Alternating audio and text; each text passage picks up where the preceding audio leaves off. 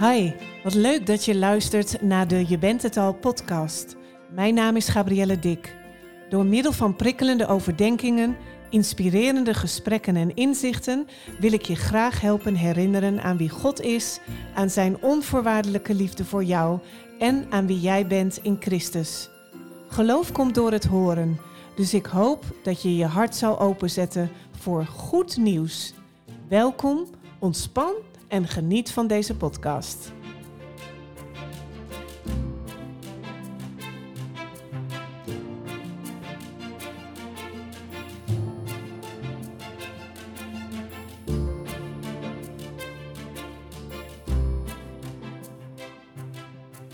Een paar jaar geleden schreef ik een artikel over een jonge vrouw die als kind misbruikt is. Vandaag spreek ik met haar over de donkere periodes in haar leven maar ook over het bijzondere herstel wat in haar leven heeft plaatsgevonden.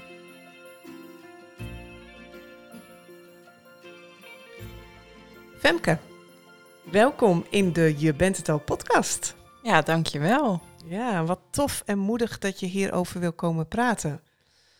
Wat er in dat artikel stond, dat ging natuurlijk over jou, dat snap je. Maar gaan we zo naartoe. Een jaar voordat ik het artikel schreef, hadden wij elkaar natuurlijk al ontmoet. Weet je nog wanneer dat was en waar? Ja, dat is alweer een eh, aantal jaar geleden, 2018, op de EO Jongerendag. Jongen, ja, daar heb jij voor zo'n kleine 20.000 mensen je verhaal gedaan. Je was toen 18, toch? Ja, ik was nog net geen 18, maar uh, een hele bizarre ervaring is dat geweest. Nou, dat snap ik. Ja, want hoe ben je nou op dat grote podium van de EO Jongerendag terechtgekomen? Ja, online kwam ik uh, bij de EO een, uh, een oproep tegen. Um, en het ging over het thema van de Jongerendag, Walk on Water. En de vraag was eigenlijk of er een jongere was die iets wilde delen over zijn of haar leven, waarin die echt uit de boot heeft moeten stappen en moeten leren vertrouwen op God. En daarin nou ja, onmogelijke dingen um, heeft mogen ervaren, waarin je dus op het water hebt leren lopen. Zo, en uh, daar heb jij dus op gereageerd, op dat oproepje. Ja, ik um, had in een hele donkere periode gezeten. En daarin heb ik echt heel erg ervaren dat, dat God daarin nabij was. En dat ik nou ja, op water heb leren lopen. En ik zag die oproep en ik dacht, misschien is dit wel iets wat ik mag gaan doen. Dus ik, ik had gereageerd. En daar waren ze natuurlijk heel blij mee bij de EO. Ja, ja, um, ik kreeg al vrij snel een reactie van we zouden heel graag met jou in gesprek willen. Um, ja, of, of dat ik het dus zou willen doen op ja. het podium van de Jongerendag. Ja, en hoe was dat voor jou om zo'n berichtje te krijgen? Um, ja, dat was wel schrikken. Want ja, in het moment dat je zo'n bericht stuurt van ik wil het wel doen, ja, zit je dat in dat moment, ben je ervan overtuigd. Maar zodra ik die mail terugkreeg, dacht ik, oh nee, wat heb ik gedaan? Oh ja? Want ik, ik had zoiets van, ben ik hier wel klaar voor? Um, ja, wat maakt dat ik mijn verhaal voor zoveel mensen zou willen, kunnen, durven vertellen? Het was natuurlijk super kwetsbaar. Ja. Dus ja, ik ging gelijk heel erg twijfelen. Ja? En wat heb je toen gedaan? Ik heb gereageerd. Ik, ik weet het niet. Ik weet niet of ik het kan. Ik zit nog in behandeling. Dus mijn verhaal is nog helemaal niet af. Het is nog helemaal geen. Ja, ik zit er nog in. Dus ja, is dit dan wel het verhaal wat jullie willen horen op zo'n podium. Dus ik heb het eigenlijk een beetje afgehouden op dat moment. Oké. Okay. En heb je toen bericht terug gehad? Ja, ik kreeg um, bericht dat ze het begrepen. Dus ik dacht, oké, okay, nou, voor nu, we gaan dit niet, niet doen. Oké. Okay. Maar na drie weken werd ik opnieuw weer benaderd, werd ik gebeld. Met, joh, Femke, we zouden toch wel heel graag willen dat jij je verhaal komt doen. Want we denken dat het een verhaal is dat gehoord mag worden. En juist omdat het nog niet af is, omdat je er nog in zit, dat je nog in herstel bent, is het juist zo waardevol omdat het de realiteit is. En toen uh, ben je toch akkoord gegaan, Femke? Ja, toen ik werd gebeld, voelde ik in mijn hart dat ik dit moest gaan doen. Ik vond het enorm eng. Ja. En ik, ik wist echt niet waar ik ja, wat ik zou gaan doen voor zoveel jongeren. En ja, het was een hele nieuwe ervaring. Maar ik voelde echt, oh, ik kreeg gewoon op mijn hart, als het maar voor één persoon is, als ik hier maar één iemand mee kan helpen, daar doe ik het dan voor. Ja. ja, dat was voor jou de doorslaggevende factor. Klopt. Ja. ja. Hele moedige stap eh, dat je dat hebt gedaan. En inderdaad, heel veel ja, jongeren die worstelen ook wel met de problemen waar jij tegenaan bent gelopen of waar jij mee geworsteld hebt. Eh, hoe heb je dat toen ervaren op dat podium? Uh, vond je het spannend? Heb je nog reacties gehad van mensen? Ja, het was enorm spannend.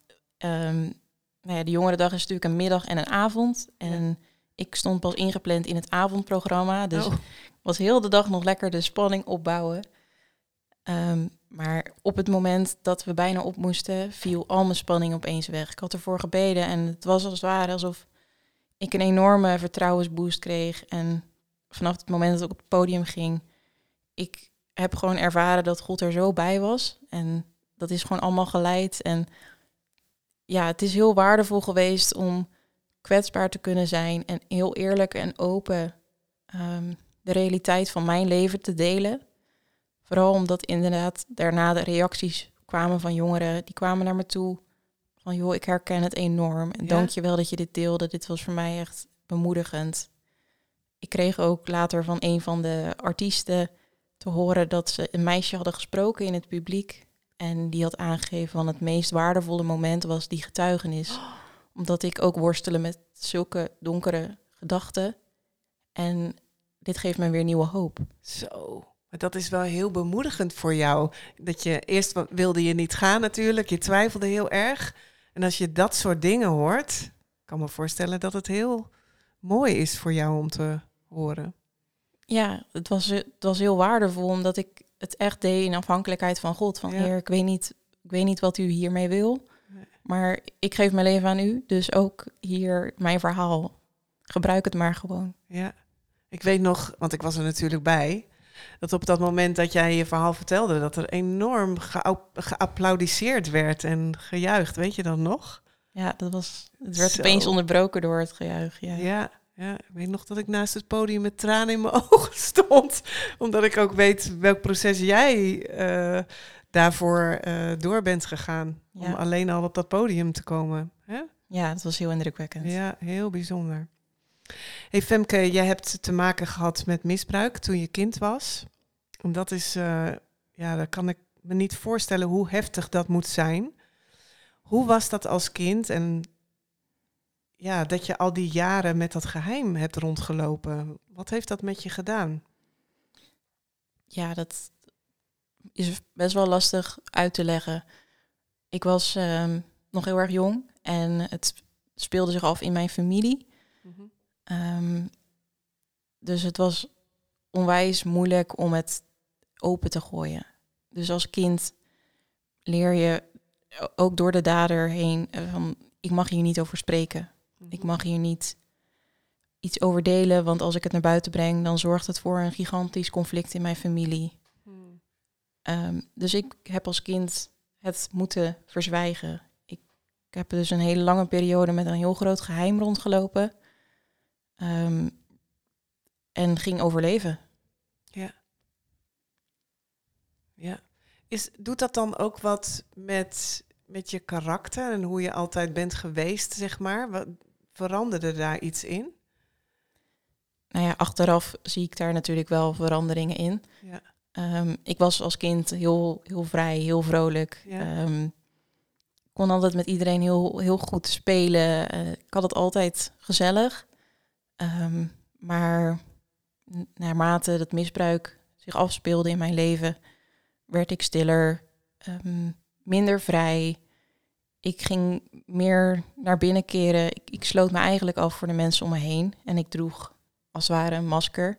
Ja, kan ik me voorstellen. En, en dat masker, kan je dat omschrijven? Hoe moet ik me dat voorstellen? Ik denk dat dat er langzaamaan is ingeslopen. Want ik kon niet de mensen om me heen laten zien wat er zich daadwerkelijk zich allemaal afspeelde in mij, maar ook ja, wat er gewoon allemaal gebeurde in mijn leven. Want de consequenties daarvan waren niet te overzien voor mij. Dus het was gewoon altijd maar doen alsof je je goed voelt. Altijd maar laten zien, ik heb het naar mijn zin, er is niks aan de hand. Um, ja, zo heb ik die periode ja, doorgebracht. Dat is heel heftig. Daarmee werd dan ook gedreigd dat er grote consequenties zouden zijn. Ja. Dat je het daarom niet durfde. Ja, de consequenties zouden zijn dat ik dan heel mijn familie op zou blazen eigenlijk. Oef. Terwijl nu achteraf besef ik me dat zou ik nooit hebben gedaan. Maar als kind neem je dat aan en geloof je dat. Dat dat, dat de gevolgen zouden zijn van als ik mijn mond open zou doen. Ja. Maar dan valt ook toch je hele veiligheid weg. Je bescherming valt toch weg? Ja, ja. Het, vertrouwen in, in mensen, maar ook hulp mogen en durven vragen, dat, dat was geen optie. Dus ik heb in die periode wel een stuk identiteit en eigenwaarde echt verloren. Ja, dat kan ik me voorstellen. En wat, wat, wat deed je dan? Om, want het is een soort pijn en verdriet die je met zich meedraait. Je zegt net, ehm, ik eh, ging een masker opzetten. Maar ik kan me ook voorstellen, ja, eh, ja, je voelt die pijn zo van binnen. Wat, wat deed je daar dan mee? Nou, naarmate dat ik ouder werd en het misbruik wel was gestopt, toen nou ja, raakte ik depressief. En ik denk dat dat was doordat ik al die tijd met een geheim liep en al mijn emoties in mezelf opsloot. Ehm, en in mijn depressie ja, was het zoeken naar uitwegen hoe ik het vol kon houden. Dus ik kreeg suïcidale gedachten, maar ik ging ook mezelf snijden. Tjoh. Om, om maar met de pijn soort van te kunnen leven. Dus het de fysieke pijn verdoofde dan eigenlijk de pijn die ik van binnen voelde. Kan, kan je dat eens uitleggen? Want dat, dat snap ik niet goed. Als je dus je, je snijdt, wat, wat, wat doet het dan? Wat geeft het je dan een beter gevoel? Of Het is als het ware alsof er dan heel even een verdoving is in de mentale pijn. Dus eigenlijk al het verdriet, al de wanhoop die ik toen voelde, werd op het moment dat je even fysiek wat voelde, fysiek die pijnprikkel kreeg, werd het even verdoofd. Dus had ik heel even een soort ontlading en zakte de spanning weg. dat je een soort wordt afgeleid. Is dat het? Ja, Oké. Dat is heel heftig als je jezelf pijn gaat doen. ja, in die periode was dat de manier hoe ik heb overleefd. Ehm, uiteindelijk ben ik daar gelukkig natuurlijk helemaal van afgekomen. Ja. Maar ja, dat, het is wel een manier geweest hoe ik met mijn pijn kon omgaan. Omdat ik nooit had geleerd om te praten over dingen. En nog altijd met dat geheim liep. Waardoor ik gewoon ja, in mezelf eigenlijk ja, wegteerde, als het ware. ja. Waar was God dan in die tijd? Vanaf kleins af aan heb ik altijd wel ehm, een relatie gehad met God. Ja. Maar in die donkere periode was het stil. En ik denk ook omdat ik uit verbinding was met mezelf, omdat ik aan het overleven was, was het dus ook zo dat ik geen ruimte had om me te verbinden met God. Ik durfde mezelf niet open te stellen, want het was te spannend. Omdat ik dan ook heel veel ging voelen en ook heel veel pijn weer voelde. Dus het, het was een hele donkere periode waarin ik nou, weinig van God heb gezien. Ja. Alleen nu als ik er achteraf op terugkijk, zie ik hoe hij erbij was. Ja, want voelde God dan voor jou ook niet veilig?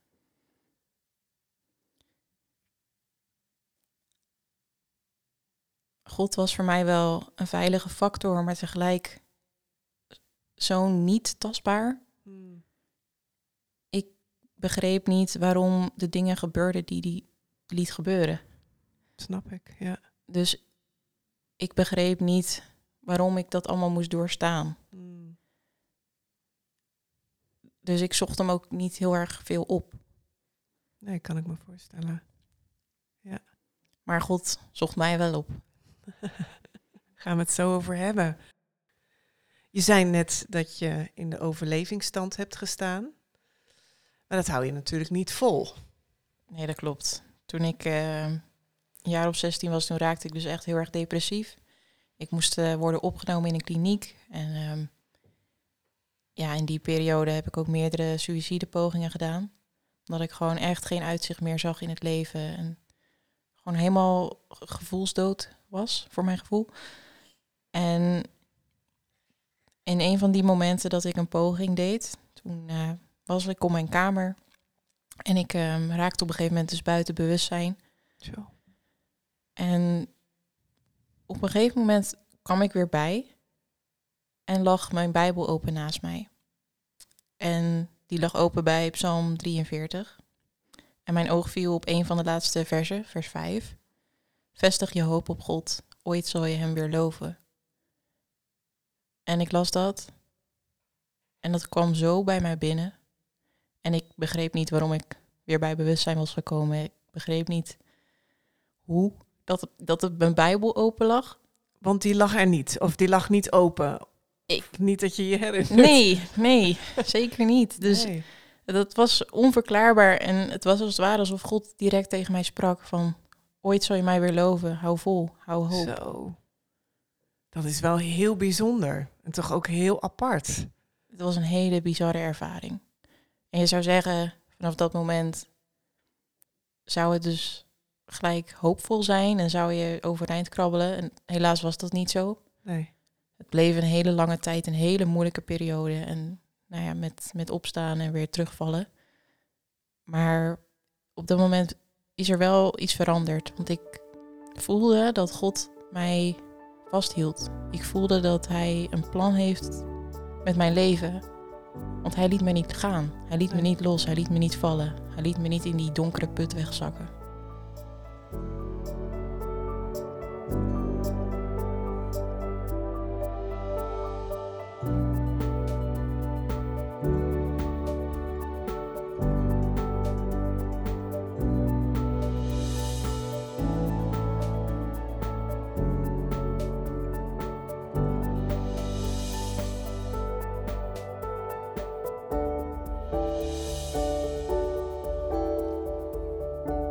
Is een heel aantal jaar voorbij gegaan.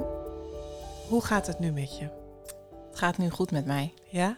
Het is zo fijn om dat te kunnen zeggen na een aantal jaar echt heel erg strijden. Strijden voor herstel. Kan ik nu zeggen dat het goed gaat. En ehm, ja, dat ik wel gelukkig ben. Ja? Oh, dat klinkt maar helemaal fijn. je zit ook echt te stralen tegenover me.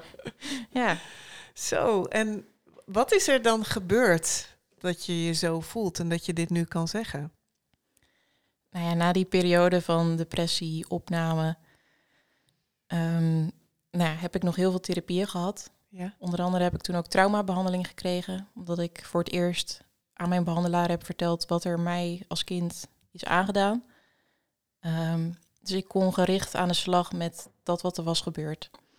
En nou ja, stap voor stap heb ik dat verder naar buiten gebracht. Heb ik het eh, nou ja, aan belangrijke mensen in mijn leven verteld.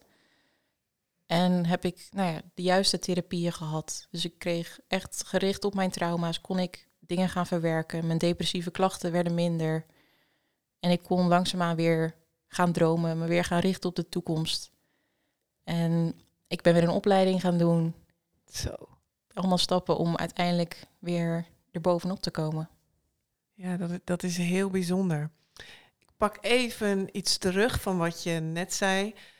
En dat was hè, God in dit verhaal. Eh, je zei in je jonge jaren, eh, toen dit allemaal speelde, toen zei je van ik durfde eigenlijk niet zo goed of ik wilde eigenlijk niet naar God toe gaan, want hè, ehm, dat was heel lastig voor je. Want waarom had hij dit toegestaan of waarom is dat gebeurd? Hè, ik kan me heel goed voorstellen dat je die vragen had.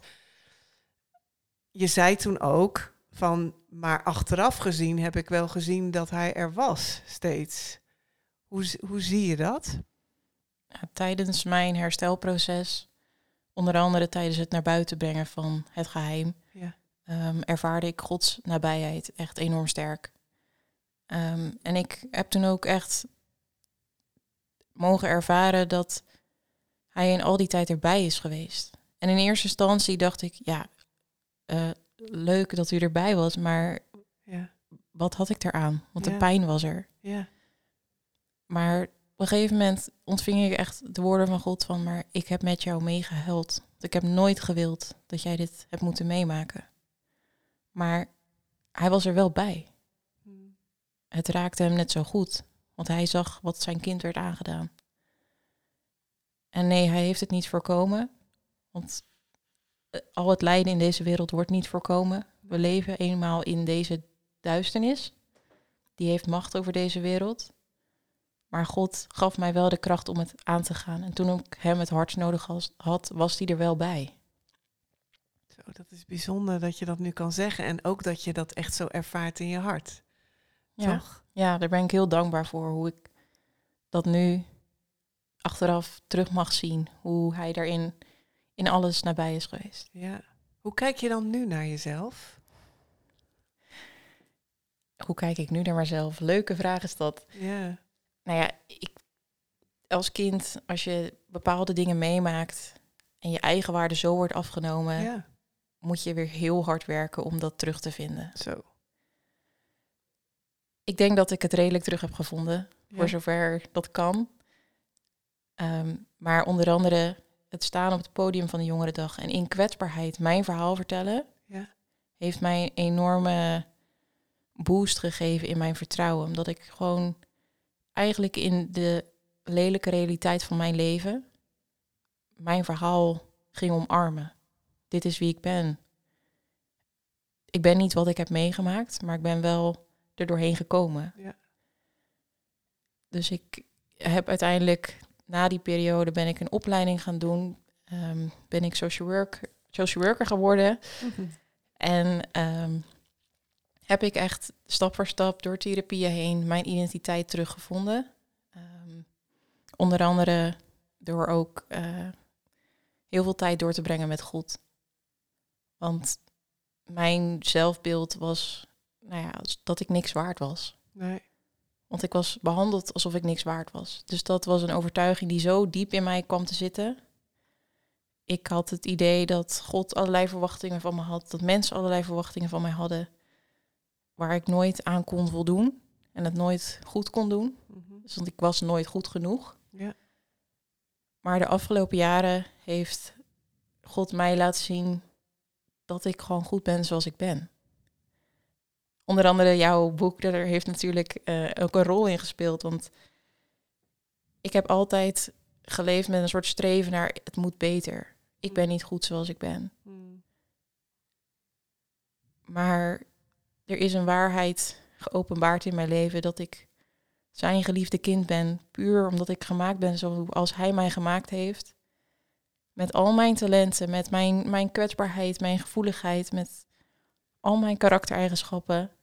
En dat is precies zoals hij mij gewild heeft. Zo is dat. Ja, Je bent het al, ben het al. toch? Zeker. Ja. Fantastisch. En wie, hoe, hoe omschrijf je God dan nu voor jou? Wie is God dan? God is mijn liefdevolle vader, bij wie ik elke dag, elk moment weer bij thuis mag komen. Jezus staat met open armen, waarin ik elke keer weer mag vallen, waarin ik me mag laten troosten, waarin ik mijn waarde weer mag vinden als ik hem weer door het leven heen even verlies. Want ik vertel het nu alsof het de absolute waarheid is in mijn leven, maar er zijn genoeg momenten dat je door situaties heen het weer even uit je handen wordt geslagen. Maar steeds weer mag ik weer thuiskomen bij mijn vader met het besef, ik ben goed zoals ik ben, want u ziet mij. Ja, en dan ben je ook nog eens meegeweest met de Je bent het al reis retraite naar Italië afgelopen september. Hè, samen met negen andere vrouwen. Hoe was dat voor je? Wat heeft dat met je gedaan? Is dat ook weer een stap geweest in jouw hele proces? Ja, dat is zeker een verdiepende stap geweest op mijn proces. Afgelopen jaar ehm, heb ik eigenlijk een afronding van mijn therapietraject eh, mogen doorgaan. En daarbij stond het thema identi- identiteit ook voorop. Het terugvinden van je eigen waarde en ehm, omarmen wie je bent was daarin heel belangrijk. En nou, ik ging mee met die reis. En het was voor mij alsof ik gewoon een paar dagen in Gods nabijheid nieuwe dingen mocht ervaren. Want in mijn hoofd begreep ik het wel. Ik wist wel dat ik het al was, dat ik het al ben. Ja. Maar het was nog niet op hartsniveau binnengekomen. En op die plek in Italië ehm, heb ik echt een, een, een ervaring gehad waarin ik ja, God zo dichtbij voelde, waarin hij naar mij toe kwam en tegen mij zei: Je bent mijn geliefde dochter, sta op. Oh. En dat heeft zo'n diepe impact gemaakt. Al die momenten dat ik weer even neig te luisteren naar al die overtuigingen in mijn hoofd, besef ik me nu nee, die waarheid over ik ben zijn geliefde kind. Sta op, neem je ruimte in, je mag er zijn. Daar mag ik iedere keer weer op terugvallen. Dus het is echt voor mij een hele belangrijke reis geweest. Ja, mooi wat je zegt ook, die ruimte innemen, toch? Want in je jonge jaren heb je je natuurlijk heel gevangen gevoeld. Ja, dus ik heb echt weer moeten leren ruimte in te nemen en ja, mijn stem te laten horen en gewoon mezelf te laten zien. En wat doet dat met je? En wat doet dat met je omgeving? Ik krijg um, zo af en toe van mensen uit mijn omgeving wel terug van we zien weer dat je straalt. Ja. We zien dat je overduidelijk jezelf laat zien. En ik vind dat heel bijzonder om terug te horen, want ik voel zelf die verandering. Maar ik krijg het ook van de mensen om me heen terug van we zijn zo dankbaar dat het zo goed met je gaat nu. Ja. ja jij bent echt gewoon het levend voorbeeld dat, dat God heelt en geneest en bevrijdt. Ja, ja, dat vind ik ook heel bijzonder, want erin echt God alle eer. Want door hem zit ik hier nu. Mhm. Mogen we deze podcast opnemen. Ja. Maar mag ik ook het werk doen wat ik nu doe? Want ik begeleid nu zelf jongeren. Zo. Die ook nou ja, van alles hebben meegemaakt. En ik mag erin zo mijn kennis als dus ook een stuk eigen ervaring inzetten. Ehm, en er doorheen hoop ik vooral te getuigen van, van Gods liefde. Van zijn nabijheid en zijn aanwezigheid. En vooral de hoop die in hem is. We staan op het punt om een nieuw jaar in te gaan. Maar ik krijg wel een beetje het gevoel na jouw verhaal dat jij een heel nieuw leven bent ingegaan. Hoe kijk jij nou naar de toekomst? Wat zijn jouw dromen en je verwachtingen? Ik denk dat ik vooral bezig ben met het hier en nu. Ik denk dat ik vooral nu heel dankbaar ben voor waar ik op dit punt in mijn leven sta. Voor nou, wat ik allemaal heb meegemaakt. Het hele proces wat ik heb doorgemaakt om hier te komen. Maakt dat ik eigenlijk vooral heel dankbaar ben voor het werk wat ik nu doe, de relatie die ik nu heb. Ehm, dat ik gewoon gelukkig ben. Dat ik mag genieten van dingen in het leven. Dus als het gaat om toekomst, denk ik vooral als God er maar bij is. Ja. Dan, dan is het helemaal goed. Maakt niet uit op welke plek ik ben of wat er gebeurt. Maar mijn grootste verlangen is dat ik mijn leven mag delen met Hem. Mooi. Wat zou je de luisteraar willen meegeven? Het belangrijkste wat ik jou als luisteraar mee zou willen geven is: kijk je eigen pijn in de ogen en praat erover. Laat je niet klem zetten door een geheim wat je met je meedraagt. En geef je leven aan God. God kent jouw pijn. Hij weet wat je hebt meegemaakt. Hij weet wat je hebt doorstaan. En hij heeft met je meegehuild. Hij was boos met jou over dat onrecht. En ik wil vooral tegen je vertellen, laat je omarmen door zijn, zijn liefde. Je mag bij hem thuiskomen elke keer weer. Jij bent zijn geliefde kind en hij houdt van je. Je bent al goed zoals je bent. Je bent het al. En leef in dat vertrouwen dat je het met hem aan kan. Want dat, mijn leven is daarvan het bewijs. Dus- Absoluut. Mooi. Dankjewel Femke. Dankjewel voor, ja, voor je verhaal en voor je moed en dat je hier wilde zijn. Heel bijzonder. Ik wil uh, toch nog even eindigen met die psalm hè, die uh, naast jou lag toen je in uh, een van je donkste momenten in je leven zat. Psalm 43. Vestig je hoop op God.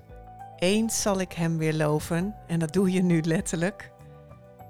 Mijn God die mij ziet en redt.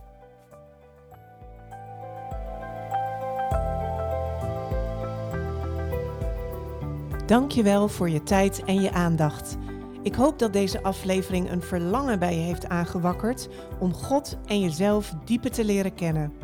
Ik heb twee boeken geschreven die je daarbij kunnen helpen, namelijk Je bent het al en Wie heeft je dat verteld? En wil je jezelf nou eens even helemaal onderdompelen in dit onderwijs op een prachtige plek in Italië? Ga dan mee met een van de Je bent het al retraites voor vrouwen die ik samen met You Are Brilliant organiseer. Meer informatie vind je op statescall.nl slash Italiëreis. Voor nu, dank je wel voor het luisteren en tot snel.